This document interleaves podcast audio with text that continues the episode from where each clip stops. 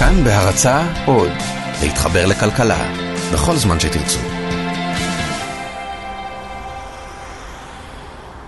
מבחוץ, הבניין ברחוב יהודה הלוי 10 נראה כמו סתם עוד בניין טיפוסי בבני ברק. שתי קומות מגובבות זו על זו, חלונות פתוחים, חלונות סגורים, מבפנים עולים קולות לימוד. במדרגות היורדות משמאל, נערים חרדים מעמיסים מוצרי מזון בארגזים. אחד מהם הסביר לי שמה שאני מחפש נמצא במדרגות מימין, אלה שעולות למעלה. אז אני עולה בהן ומגלה דלת מתכת גדולה עם אינטרקום. צלצול אחד והיא נפתחת. אני עולה למעלה ומגיע לדבר הכי לא צפוי שאפשר למצוא בשכונה הזו, חברת הייטק. ולא סתם, כזאת שמי שמנהל אותה הוא לא מישהו, אלא מישהי. שמי ורד מור, אני מנכ"לית של חברת רבטק, שזה בית תוכנה, שהייחודיות שבו היא שרוב, רובם, אם לא כולם, מהמתכנתים הם גברים חרדים לומדי תורה.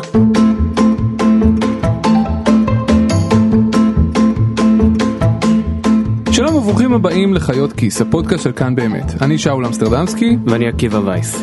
והיום נספר לכם על הבניין הזה בבני ברק, ועל המשימה שחברת רבטק לקחה על עצמה, לשלב חרדים בהייטק הישראלי. אתה יודע, עקיבא, בשנים האחרונות, בכל פעם שכתבתי על חרדים שיוצאים מחברת הלומדים ומשתלבים בשוק העבודה הישראלי, קיבלתי שני סוגים של תגובות. בטח אומרים לך שזה נורא קצת, זה לא מייצג, זה לא מיינסטרים, זה חרדים מהשוליים, אבל לא. בדיוק. אז חלק מהאנשים אומרים איזה יופי, כל הכבוד, כאלה דברים, אבל רוב האנשים, ובאופן מוזר בעיקר חרדים, אומרים לי משהו כמו, אה, אל, אל תתבלבל, זה לא המיינסטרים החרדי, אלא רק השוליים שלו. המיינסטרים החרדי לא עובד ולא יעבוד. וזה היופי של רבטק, שמודעים לזה, הם מודעים לזה שחרדים שמשתלבים בתעסוקה הם יוצאים מן הכלל, והם מנסים להפוך את היוצאים מן הכלל לכלל. אבל עוד לפני שנגיע לזה, קודם כל ולפני הכל, רבטק היא עסק חברתי. כלומר, שהיא פועלת למטרת רווח, אבל הרווח הזה מושקע בחזרה בחברה. רבטק הוקמה ב-2013 על ידי הרב דוד לייבל, רב uh, ליטאי אשכנזי. הוא עלה לישראל מצרפת, ושם הוא הכיר חרדים שעובדים וגם לומדים, והם לא פחות חרדים. כשהוא הגיע לישראל הוא גילה חרדים שהם רק לומדים. איך זה יכול להיות שבחו"ל החרדים עובדים ובישראל לא? אז אם נסתכל לפני כמה עשורים, 50-60 שנה, זה מה שהיה. אותם חרדים עם סבא וסבתא שלי, אנשים שעבדו והם לא היו פחות חרדים, הם היו גם לומדים בלילה או בבוקר, הם לא היו פחות חרדים. אחרי השואה... הציבור החרדי הרגיש קצת שחברת הלומדים מתפרקת, לכן הם הרימו את כל הישיבות, את כל הכוללים. הכוללים זה לא דבר שהיה לפני המון זמן, זה משהו של העשורים האחרונים, מאוד התחזק, היום כל, בכל מקום יש את זה, אז החרדים די הסתגרו בתוך עצמם ולא יצאו לעבוד, ובעיקר חיזקו את עולם התורה. הרב לייבל החליט שהוא רוצה לייבא לישראל את המודל החרדי החו"לי, או החוצניקי, כמו שהחרדים קוראים לזה. וזה בעצם השינוי שרבטק מביא.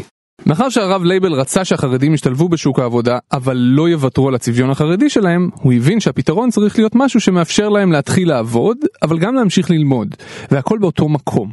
וכך בעצם הוא החליט להקים את רבטק, שהיא בעצם בית מדרש שמשולב עם מכון להכשרה להייטק. לימוד קודש בבוקר, לימוד חול בצהריים, ואחרי שנה מתחילים לעבוד בהייטק. המסלול של רבטק נחלק לכמה שלבים. בשלב הראשון... הם מקבלים את הלימודים במלגה מלאה, הם לא משלמים על הלימודים, הם מקבלים מלגת קיום חודשית מהעמותה, אברטק זה עמותה שמפעילה את ההכשרה, mm-hmm. מהעמותה של 2,000 שקל לחודש שזה שווה להכנסה שהייתה להם קודם. בשנה הראשונה כשהם בלימודים מתחילים איתם מהבסיס, קודם כל משלימים פערים. מתחילים שלב ראשון שלושה חודשים, אה, אנגלית ומתמטיקה.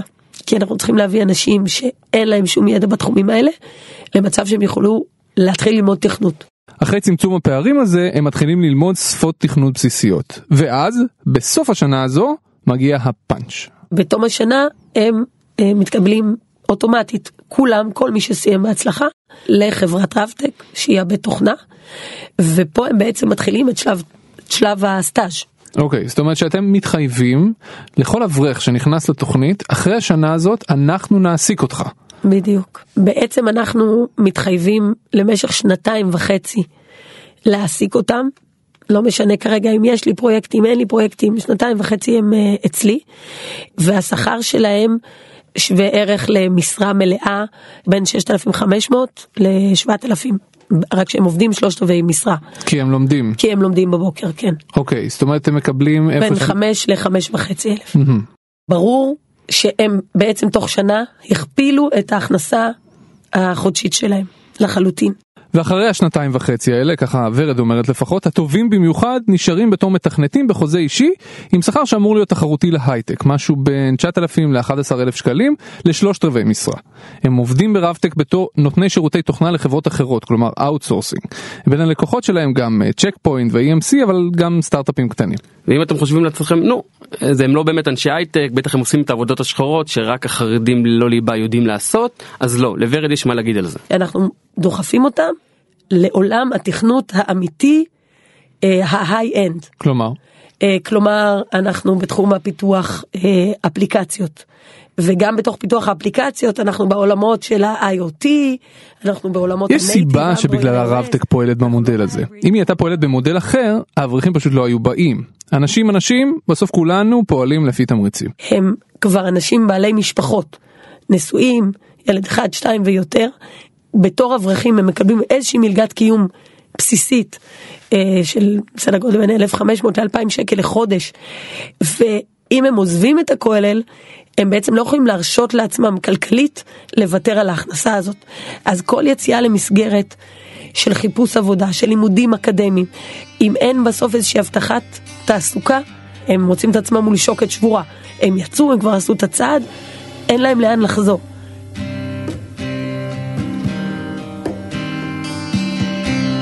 אז זו רבטק, והיא פועלת כרגע בבני ברק והיא פתחה השנה מחזור נוסף גם בירושלים וורד והאנשים שלה רוצים להגיע לעוד ועוד ועוד מוקדים חרדים והם פועלים בתוך הליבה של החברה החרדית, כלומר בעיקר בתוך הזרם הליטאי, הזרם שהכי פחות פתוח לרעיונות האלה מבין הזרמים החרדיים, נכון עקיבא? כן, אם מבקרים ברבטק רואים ממש אברכים, זה לא עוד מכללה חרדית שרואים קצת חרדים מודרניים, חרדים שבאים בלי כובע וחליפה למסגרת, שם תראה חרדים יושבים עם זקנים, עם כובעים וחליפות, יושבים מול מחשבים. אם תיקח מהם את המחשבים, זה הופך לכולל רגיל. תגיד, כשהיית שם ודיברת עם האנשים, מה, מה אפיין אותם? אם באים לשם רואים אנשים שרוצים לשמור אורח חיים חרדי, לא רק חרדי, גם תורני. חצי יום לומדים, חצי יום עובדים, וזה גם מאוד חשוב להם אם מדברים איתם על זה. מה שהיה מאוד חשוב למייסדים של המקום פה זה שלא, שלא יהיה רק מקום כמו מקומות אחרים, שזה בעצם סוג של אה, שוק עבדים, לוקחים עובדים חרדים שמטבע הדברים יותר קשה להם להשתלב במקומות חילוניים. ובגלל ש... בגלל הסיבה הזאת אה, מנצלים אותם, נותנים להם אה, משכורות יותר נמוכות והם עובדים בסוג של פס ייצור של דברים יותר פשוטים, פה באמת החברה אה, משתדלת לעמוד בקדמת הטכנולוגיה. וזה למשל יעקב קליין, אברך בן 29, נשוי פלוס שלושה ילדים, הוא בוגר ישיבה רגילה, אבל אז הוא עבר לרפטק, והיום הוא בונה אפליקציית השוואת מחירי ינות בצרפת. אה, אנחנו עובדים עכשיו על אה, פלטפורמה די גדולה. רק בשביל שתבינו את הפרופורציות, יעקב קליין ממש לא לבד. הנה שוב ורד מור, מנהלת רפטק. כשאנחנו פותחים הכשרה ועד היום פתחנו מחזור אחד כל שנה. Mm-hmm. מתחילים להגיע אלינו קורות חיים. כמה מקומות יש לכם בכל מחזור? 30. כמה מגיעים? במחזור האחרון הגיע לנו יותר מ-600 קורות חיים. וואו. כן. קורות חיים הרבה פעמים יכול להיות uh, כזה דף שכתוב בכתב יד שכתוב בו uh, אני uh, גר uh, פה ופה יש לי ככה וככה ילדים למדתי בישיבה קטנה זה בישיבה גדולה זה וכולל זה זהו.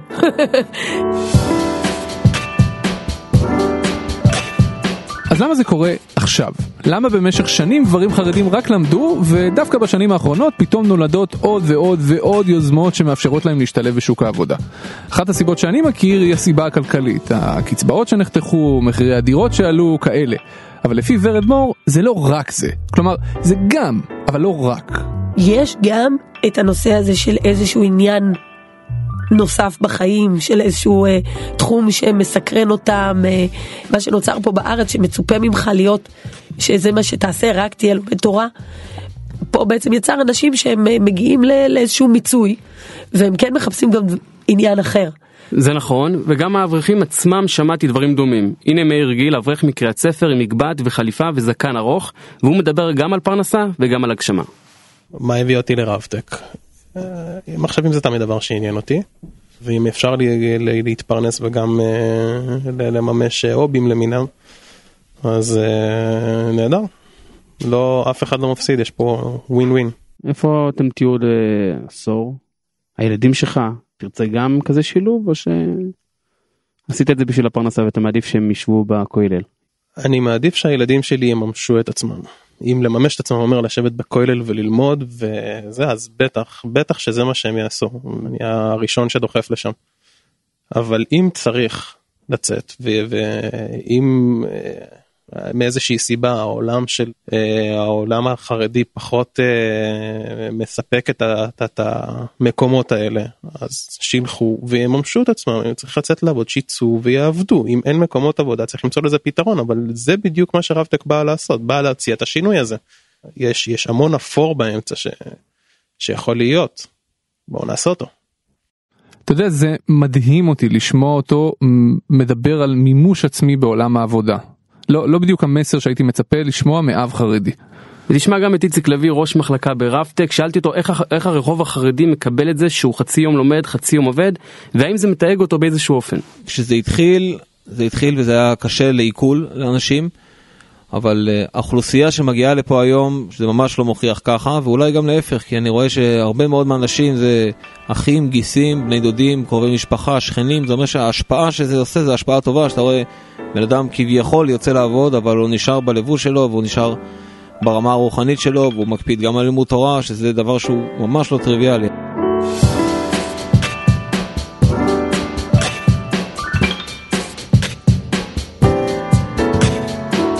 בשבוע שעבר הלשכה המרכזית לסטטיסטיקה פרסמה את התחזית הדמוגרפית שלה לעשורים הקרובים. ואחת מהנקודות העיקריות בתחזית הזו היא שבשנת 2065, שזה ממש מעבר לפינה, שיעור החרדים באוכלוסייה יגיע לשליש, שזה פי שלושה מהיום. זאת אומרת, שאם החרדים משתלבים בשוק העבודה, אבל לאט מדי, יש לנו בעיה. ומי שחושב שזה בדיוק המצב, שהחרדים משתלבים אבל מעט מאוד ולאט מאוד, הוא טל וולפסון. אני מכיר את טל בערך עשר שנים, עוד מלימודי הכלכלה באוניברסיטה העברית. בהמשך הדרך הוא עבד במכון ון ליר, בהמשך כעוזר של הכלכלן הראשי במשרד האוצר, וכיום יש לו משרד פרטי לייעוץ כלכלי. אה, והוא גם הקים את הפודקאסט הכלכלי הראשון בישראל. שלום לכולם, אנחנו ערך מוסף, היי ליאור. היי טל. מה העניינים? בסדר גמור. יופי, לא אמרת... הגישה של טל וולפסון פשוטה, פשוט תסתכלו על המספרים. גם אם בשטח נדמה לכם שהדברים עובדים טוב, אה, החלטות מדיניות לא מקבלים על סמך תחושות בטן, לא על סמך אנקדוטות. וכשמסתכלים על המספרים, המצב מבהיל. זהו, אז לפי נתוני הלמ"ס, ב-20 שנה הקרובות האוכלוסייה היהודית בישראל תגדל בערך בשני מיליון איש, מיליון חרדים ומיליון כל השאר. וזה אומר שהממוצע שלנו כחברה הוא מאוד מאוד יושפע הרבה יותר מהמגמות שקורות בחברה החרדית ולכן כדי שנוכל לשמור כאן על רמת חיים שהיא גבוהה וכמו שאנחנו רגילים אליה פה בישראל אנחנו צריכים שהמגמות בחברה החרדית יהיו הרבה יותר גבוהות. עכשיו, זה לא שוולפסון לא יודע שהחרדים הולכים למערכת ההשכלה הגבוהה בכמויות גדולות יותר וששיעורי הכניסה שלהם לעבודה עלו בשנים האחרונות, אלא שהוא חושב שאנחנו לא מסתכלים על הנתונים האלה כמו שצריך להסתכל עליהם. צריך להסתכל על המגמה באחוזים ולא במספרים מוחלטים. כי שיעורי הגידול הדמוגרפי בחברה החרדית הם גבוהים, ואז גם אם אתה בוחן את המגמות שיפור, ב, למשל ברכישה של השכלה גבוהה, באופן יחסי לא בטוח שיש כאן התקדמות. ובאמת עקיבא, לפני שאתה עונה לו, כשמסתכלים על המספרים באחוזים ולא במספרים מוחלטים, וולפסון לגמרי צודק. קחו למשל את המספרים שמכון טאוב אה, פרסם השבוע. מספר הסטודנטים החרדים גדל פי שלושה בשנים האחרונות, אבל באחוזים, שיעור הסטודנטים החרדים מכלל החרדים בגילאים הרלוונטיים רלוונטיים מאוד מאוד נמוך. בסך הכל 8% מבין הגברים, לעומת 47% בקרב גברים חילונים. וזה לא רק זה, גם מי שכבר הולך לאוניברסיטה לא בהכרח מסיים את הלימודים. למשל מספרים לנו שמספר הסטודנטים הוא מאוד מאוד גבוה, אבל שוכחים לומר לנו שיש הרבה מאוד סטודנטים שנושרים מהלימודים. 60% מהגברים החרדים לא מצליחים לסיים את הלימודים האקדמיים. 30% מהנשים החרדיות לא מצליחות לסיים את הלימודים האקדמיים. ולכן, זה שיש הרבה יותר סטודנטים, זה לא נכון. עכשיו ברור לך שזה מה שהוא אומר זה לא רוצה להגיד קשקוש אבל זה קצת מי שמכיר את המגזר החרדי אם פעם אז היה לך את הבן דוד הרחוק שהוא קצת היה אוי ואבוי והיה איזה עורך דין הוא היה מאוד מוזר בשכונה החרדית. היום עם 11 אלף סטודנטים חרדים זה כמות עצומה. אתה יכול למצוא בכל רחוב איזה עורך דין או איזה בעל תואר תואר שני תואר ראשון. אם פעם חרדי שהיה הולך ללמוד לאקדמיה הוא היה עוף מוזר היום זה הרבה יותר מקובל, היום זה הרבה יותר, גם הרבה יותר מכובד במגזר החרדי. זה לא כמו החייל החרדי שפעם היה, הוא היה החייל הבודד בשכונה, היום יש הרבה יותר, וזה גם הופך את זה להרבה יותר לגיטימי. אם היום יש 11 אלף סטודנטים, בעוד עשור יהיה הרבה יותר, כי זה יהיה הרבה יותר לגיטימי, וזה יהיה הרבה יותר פתוח בפני הציבור החרדי. כשאני מספר לוולפסון על רבטק ועל מה שהם עושים, על השינוי הזה שאתה מדבר עליו, שמחוללים בלב החברה החרדית, הוא חוזר על המסר. זה טוב, זה פשוט לא מספיק. אני חושב שמה שהם עושים זה דבר מדהים, אבל מה שמעניין, שוב, אם אנחנו יודעים שהחברה החרדית ב-20 שנה הקרובות תגדל במיליון איש, בוא תשאל כמה אחוזים מתוך המיליון איש יהיו חלק מהתוכנית של רבטק. זו השאלה המעניינת. זה שיש כמה מאות שיהיו ברבטק, זה טוב מאוד, אבל בוא נראה ברמת המקרו מה קורה פה בחברה.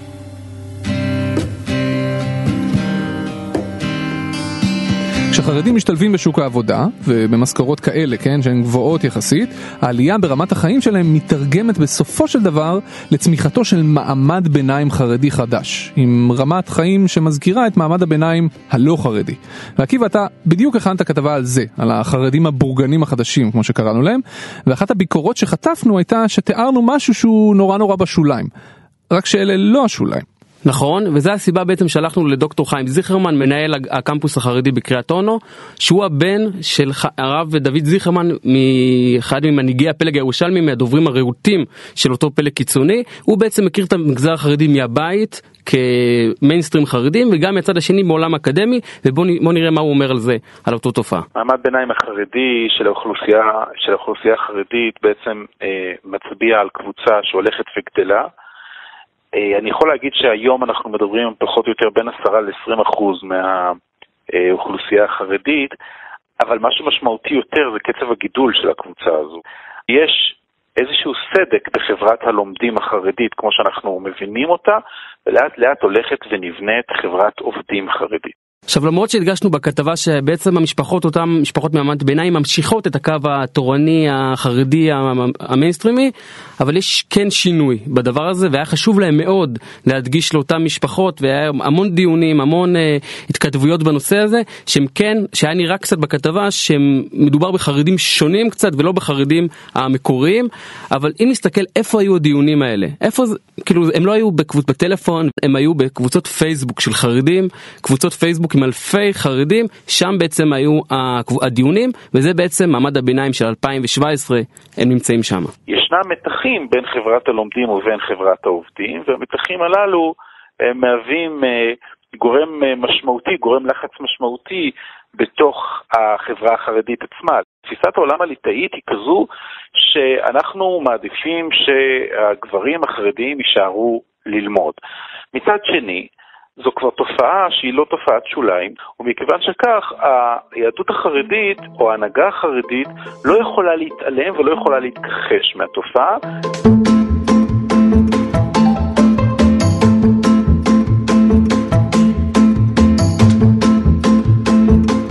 מור לא אדישה לביקורת כמו זו שמשמיע טל וולפסון ומשמיעים אחרים.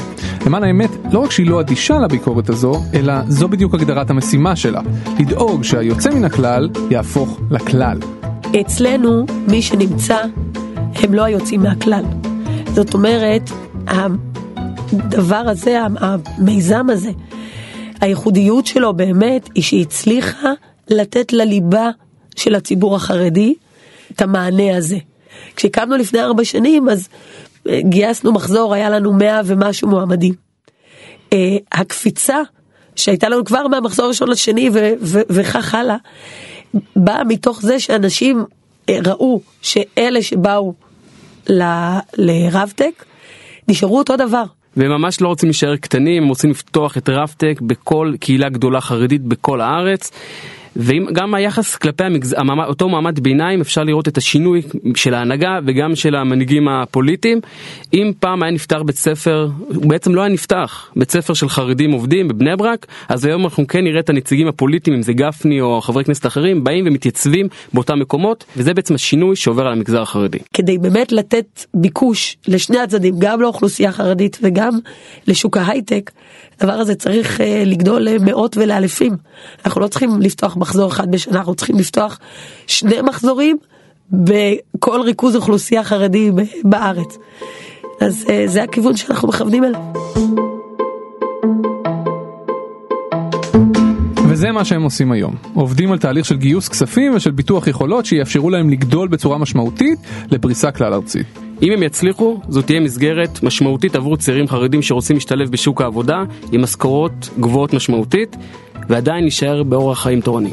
ואנחנו יודעים שזו טיפה בים, ואנחנו יודעים שהקצב הוא איטי, אבל לפחות מבחינתי, כאיש מעמד ביניים חילוני שרוצה שהחיים של הילדים שלו פה יהיו טובים יותר בעתיד, רבתי כסיבה להיות קצת יותר אופטימי, במקום לשקוע בדכדוך אינסופי לגבי החברה החרדית.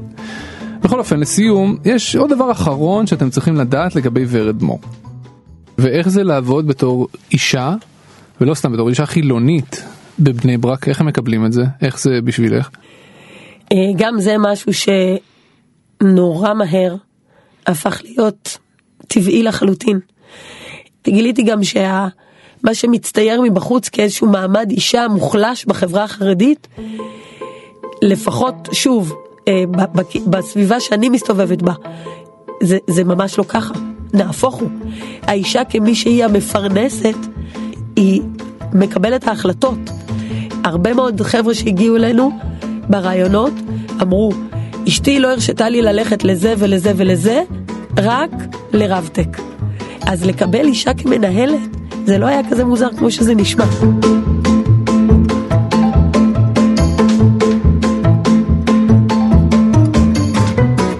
אתם צעירים או צעירות חרדים שרוצים לספר לנו את הסיפור שלכם, נגיד למה החלטתם להשתלב בשוק העבודה, או בדיוק להפך, או אם אתם מכירים מיזם אחר שעושה משהו דומה, או בכלל אם אתם חושבים שכל מה שסיפרנו לכם עכשיו בפרק הזה הוא בולשיט אחד גדול, ושאנחנו פשוט לא קולטים את החברה החרדית, כתבו לנו. כנסו עכשיו לפייסבוק, חפשו את העמוד שלנו, כאן באמת, עשו לנו לייק והשאירו לנו שם הודעה. ואם יש לכם סיפור טוב, נשמח לתת לכם לספר אותו. תודה רבה לרומטיקה, מפיק האגדי ששפך זיעה, שיהיה, שיהיה לכם פרק חדש של חיות קיז בכל שבוע, תודה רבה לאסף רפפורט שהיה טכנאי השידור, ותודה רבה גם לאייל שינדלר. תודה רבה לכל מי שסייע בהכנת הפרק הזה, ובעיקר לחוף רשף, מנהל אה, פיתוח עסקי ברבטק, שפתח לנו את דלתו לרווחה ונתן לנו באמת כל מה שהיינו צריכים, למרות ששיגענו אותו מיליון פעמים. אתם יכולים למצוא את כל הפרקים של חיות כיס באתר של כאן, או באפליקציית הפודקאסטים החביבה עליכם, כמו גם את הכתבה של עקיבא וייס על מעמד הביניים החרדי. זה רק באתר, לא באפליקציה. עקיבא, תודה רבה. תודה רבה שאול. וכרגיל, תודה רבה לכם שהאזנתם.